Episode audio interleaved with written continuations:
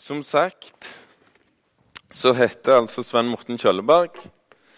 Eh, kom fra Sandnes, men har bodd i Oslo i sju år.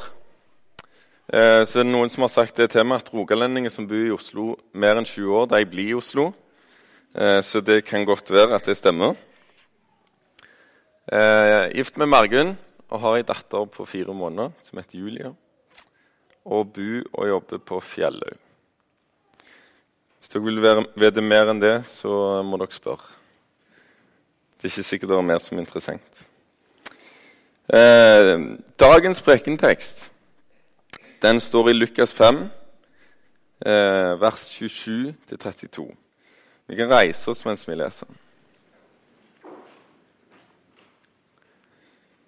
Deretter gikk Jesus ut. Da fikk han se en toller som het Levi. Han satt på tollboden. Jesus sa til dem, 'Følg meg.' Og han reiste seg, forlot alt og fulgte ham. Levi holdt et stort selskap for ham hjemme hos seg, og en hel del tollere og andre var sammen med dem til bords. Fariseere og de skriftlærde blant dem murret og sa til disiplene.: Hvorfor spriser og drikker dere sammen med tollere og syndere? Men Jesus svarte dem, det er ikke de friske som trenger lege, men de syke. Jeg er ikke kommet for å kalle rettferdige, men syndere til omvendelse. Vær så god, sitt.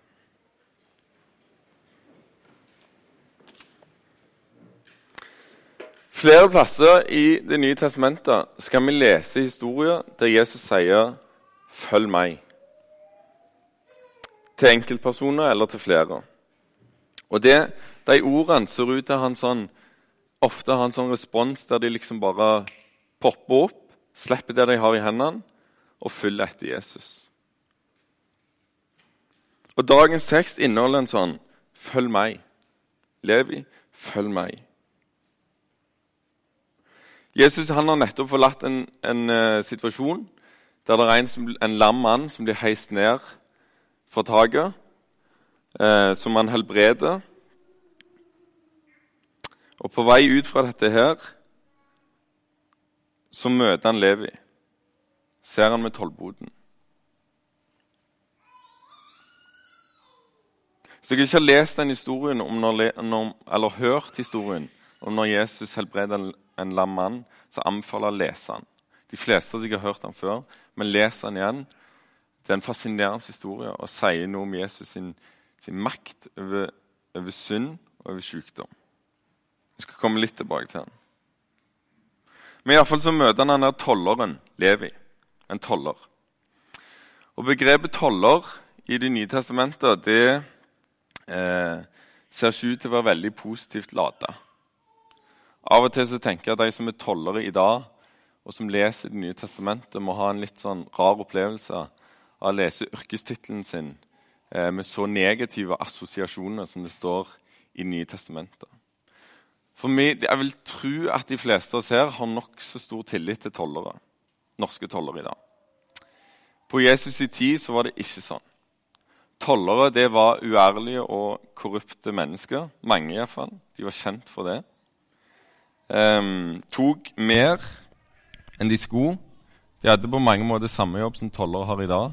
Passe på hvem som krysser grenser og tar betalt det de skal i toll og i skatt. Men de tok for mye. Tok mer enn de skulle, og stappet i egen lomme. Og bygde seg en formue på, på uærlig vis. Og sånn som oss i dag, så vil jeg tro at de fleste da ikke var veldig glad i mennesker som bygde opp en formue på uærlig vis.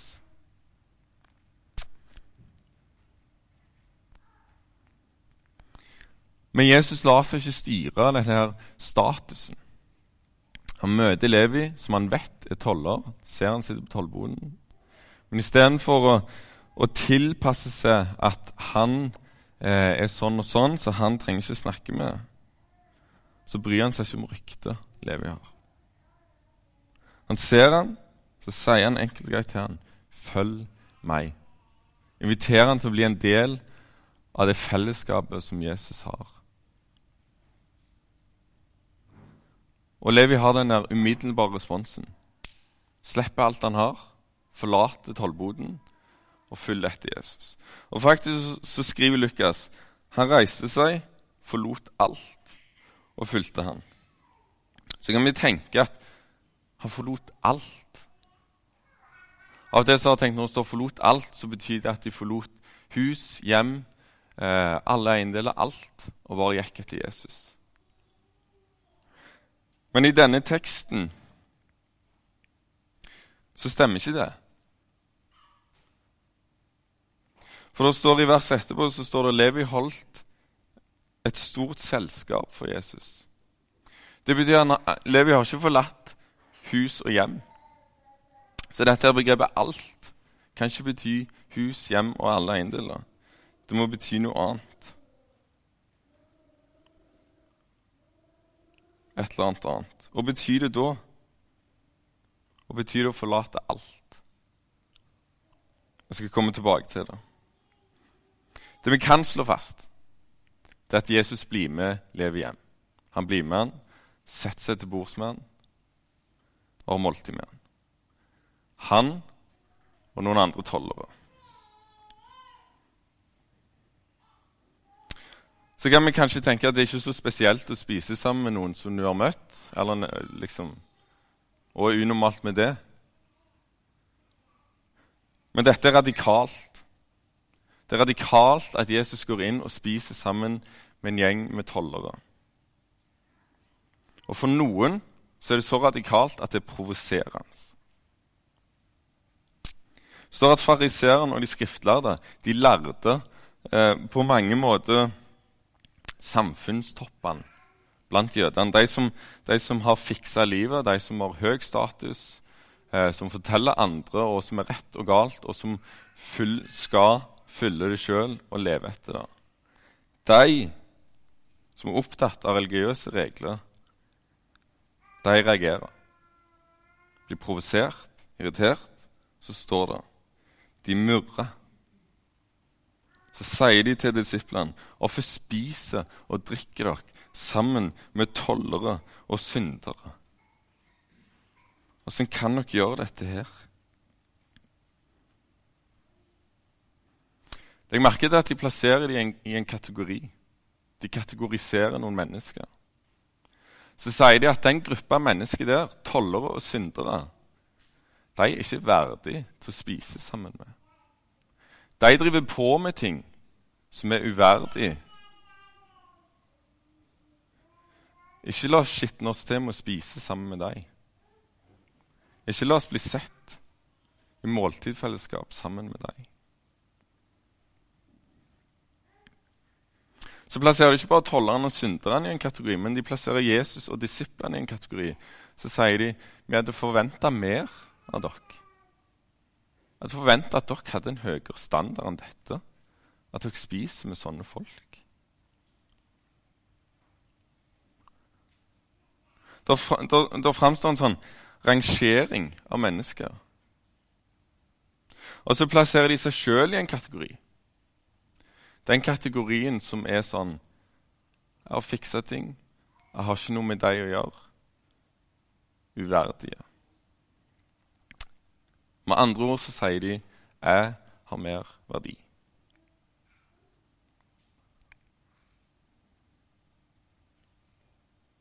Har mer verdi. Vi har høyere status. Vi menger oss ikke med sånne folk. Jeg nevnte at teksten rett fram forbi dagens prekentekst er Jesus som helbreder en lam mann. Det òg provoserer fariseeren og de skriftlærde. For ikke bare helbreder han den lamme men han sier syndene dine er tilgitt. Syndene dine er tilgitt. Og så blir fariseerne og de provoserte, for hvem kan tilgi synder utenom Gud? Hvem er han her? Guds spotter.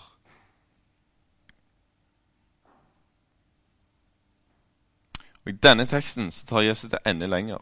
Ikke bare helbreder han syke, ikke bare tilgir han syndere, men han vil ha måltidsfellesskap med dem. Han går inn til dem og sier at det er disse jeg har kommet for. Det er disse jeg har kommet for.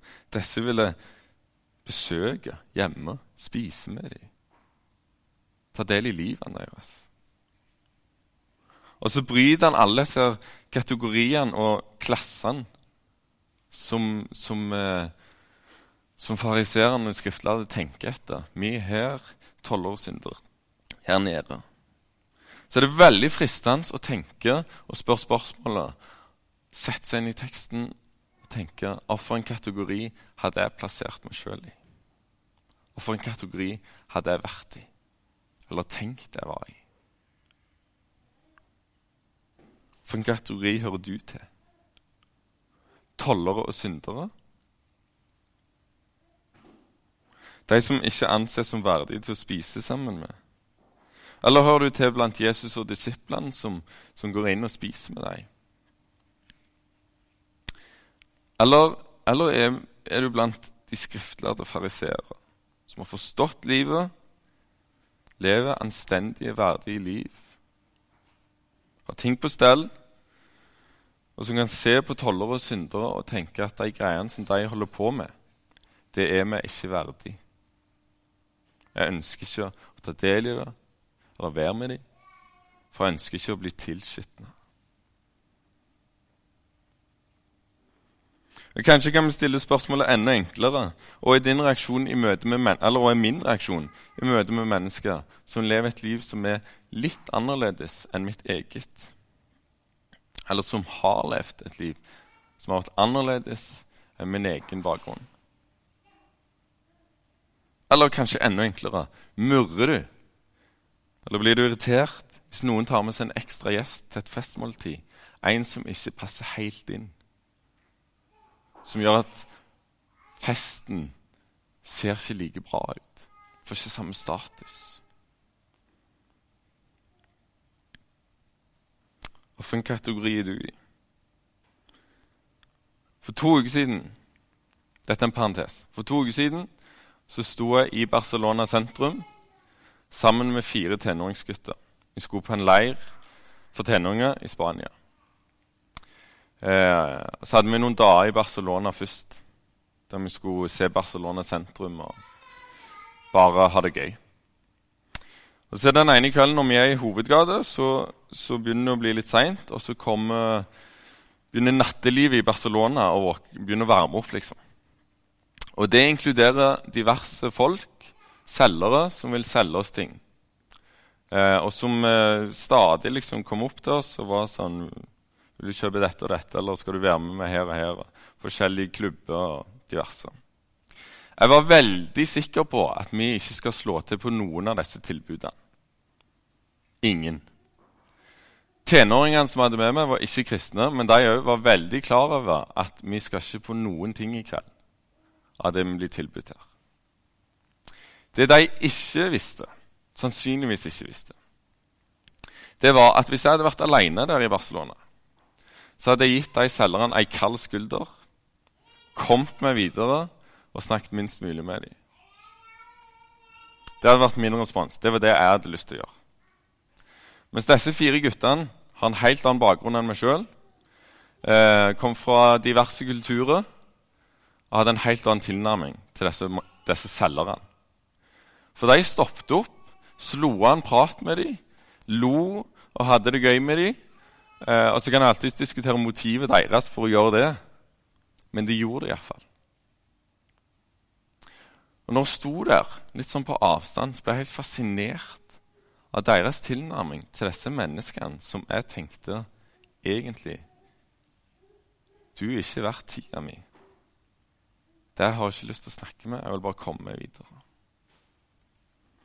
Så jeg har innsett i løpet av denne uka og i arbeidet med denne teksten at jeg står farlig nærme denne kategorien med fariseere og skriftlærde, som anser noen mennesker som de ønsker ikke fellesskap med. Jeg vil bare videre. Dette er for vanskelig.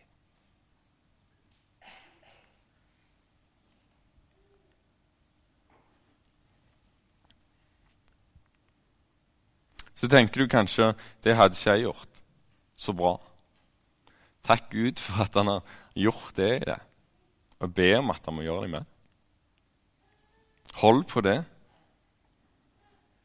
Hvis du er en av de som bryter disse her Eller ikke styrer etter disse sosiale grensene, klassene. Men dessverre så har jeg en personlig opplevelse at vi her i Misjonssalen, som et fellesskap, bevisst eller ubevisst, kan uttrykke at ikke alle mennesker likevel kommer inn iblant oss. Jeg tror ikke vi gjorde det med vilje, men vi gjorde det på en eller annen måte. En søndag ankom det, eh, et sånn søndagsmøte. Eh, så gikk jeg inn den ytterste døra, altså inngangsdøra. Og så kommer det en person eh, sammen med meg inn, litt tilfeldig, eh, som jeg kunne se med en gang at denne personen har levd et helt annet liv enn det jeg har. Eh, det kunne jeg se på, på kroppen og klærne. Eh, til og med lukt. Så jeg tenkte at ok, nå, nå, skal, nå skal jeg være hyggelig. Nå skal jeg invitere personen med meg inn i møtesalen. Så sier jeg du må bare være med inn. Og så sier vedkommende eh, nei. Det vil jeg ikke. Så var det litt sånn Nei, OK. Men ville med, han ville jo være med inn i gangen. Så spør jeg hvorfor han ikke ønsker å være med inn. Eh, så sier vedkommende at uh, hvis jeg går inn, så får jeg så mange blikk. Så mange som ser på meg. Så mange folk som ser på meg.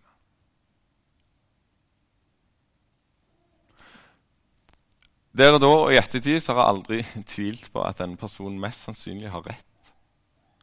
Og Hadde jeg så der inne, så hadde jeg vært en av de sjøl som hadde snudd seg og sett. Og tenkt hvem, hvem er dette? Kanskje jeg hadde tenkt å gjøre denne personen her.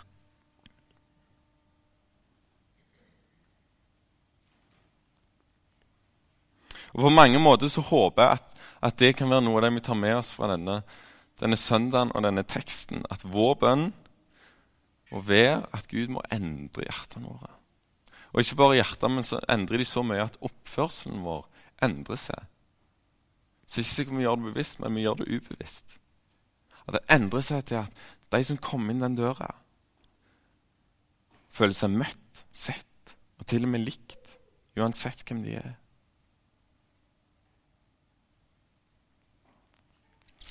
For Jesus han legger ingenting imellom. Når, eh, når fariseerne og de skriftlærde spør disiplene hvorfor spiser og drikker dere sammen med tollere og syndere.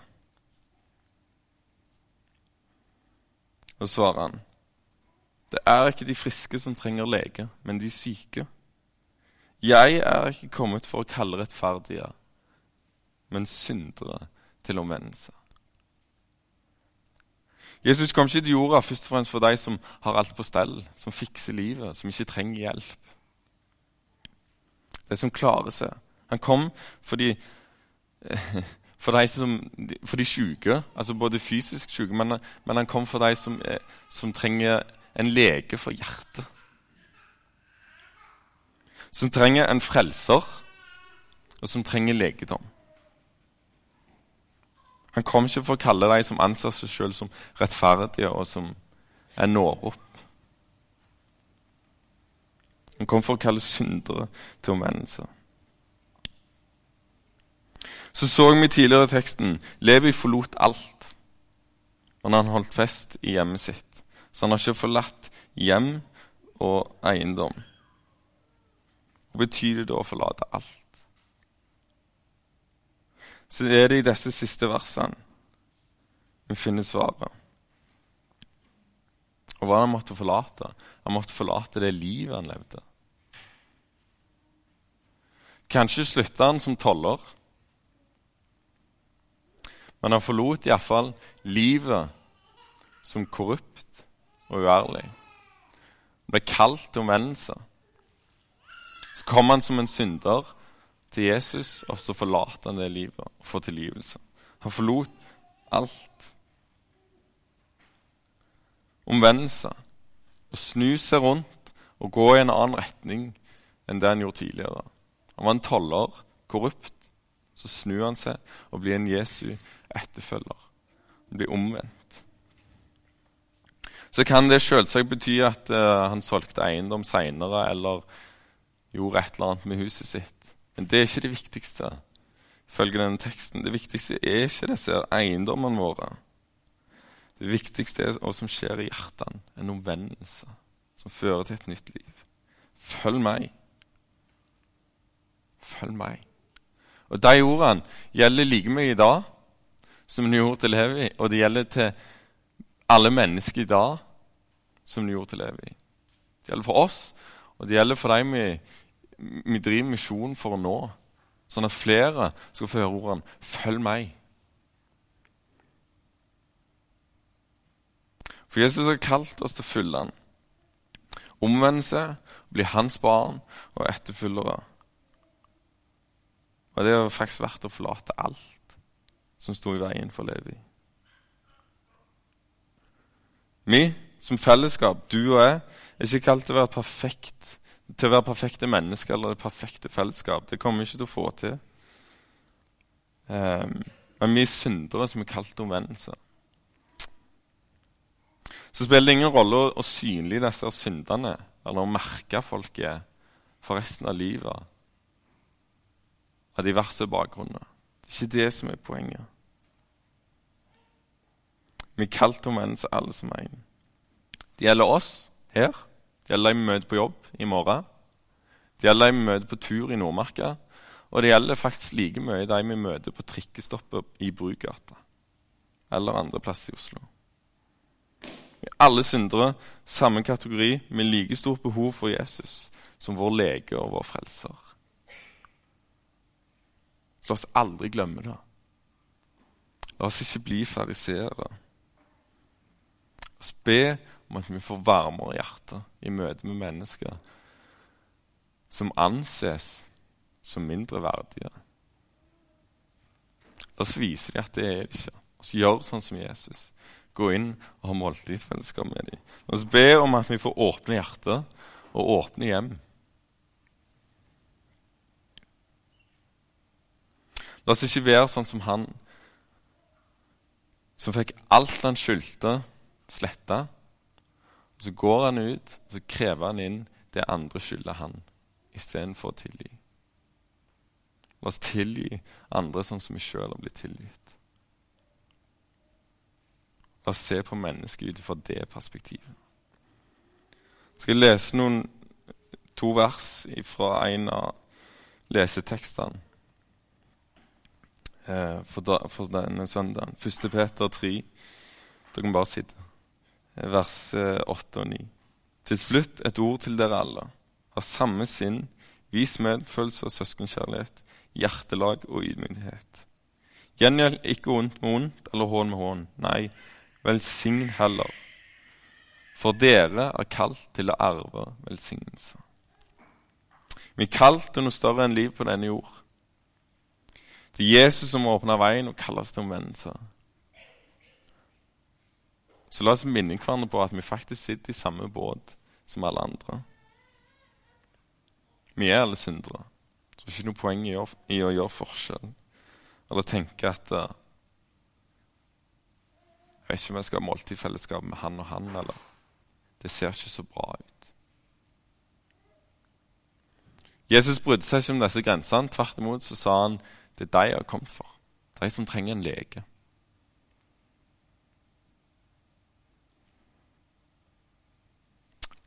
La oss oppmuntre hverandre til å gjøre det samme. La oss be. Kjære far. Takk for at du har sendt din sønn til jord. Takk for at det betyr at vi kan få være dine barn, at du har kalt oss til omvendelse. Far, be om at du må gjøre hjertene våre varme. Eh, og takk for alt det bra som, som skjer i Misjonssalen, og som skjer i kristne menigheter i Norge. Be om at du må gjøre oss enda varmere i hjertet, i tankegang, i møte med mennesker hver dag. I ditt navn, Jesus. Amen.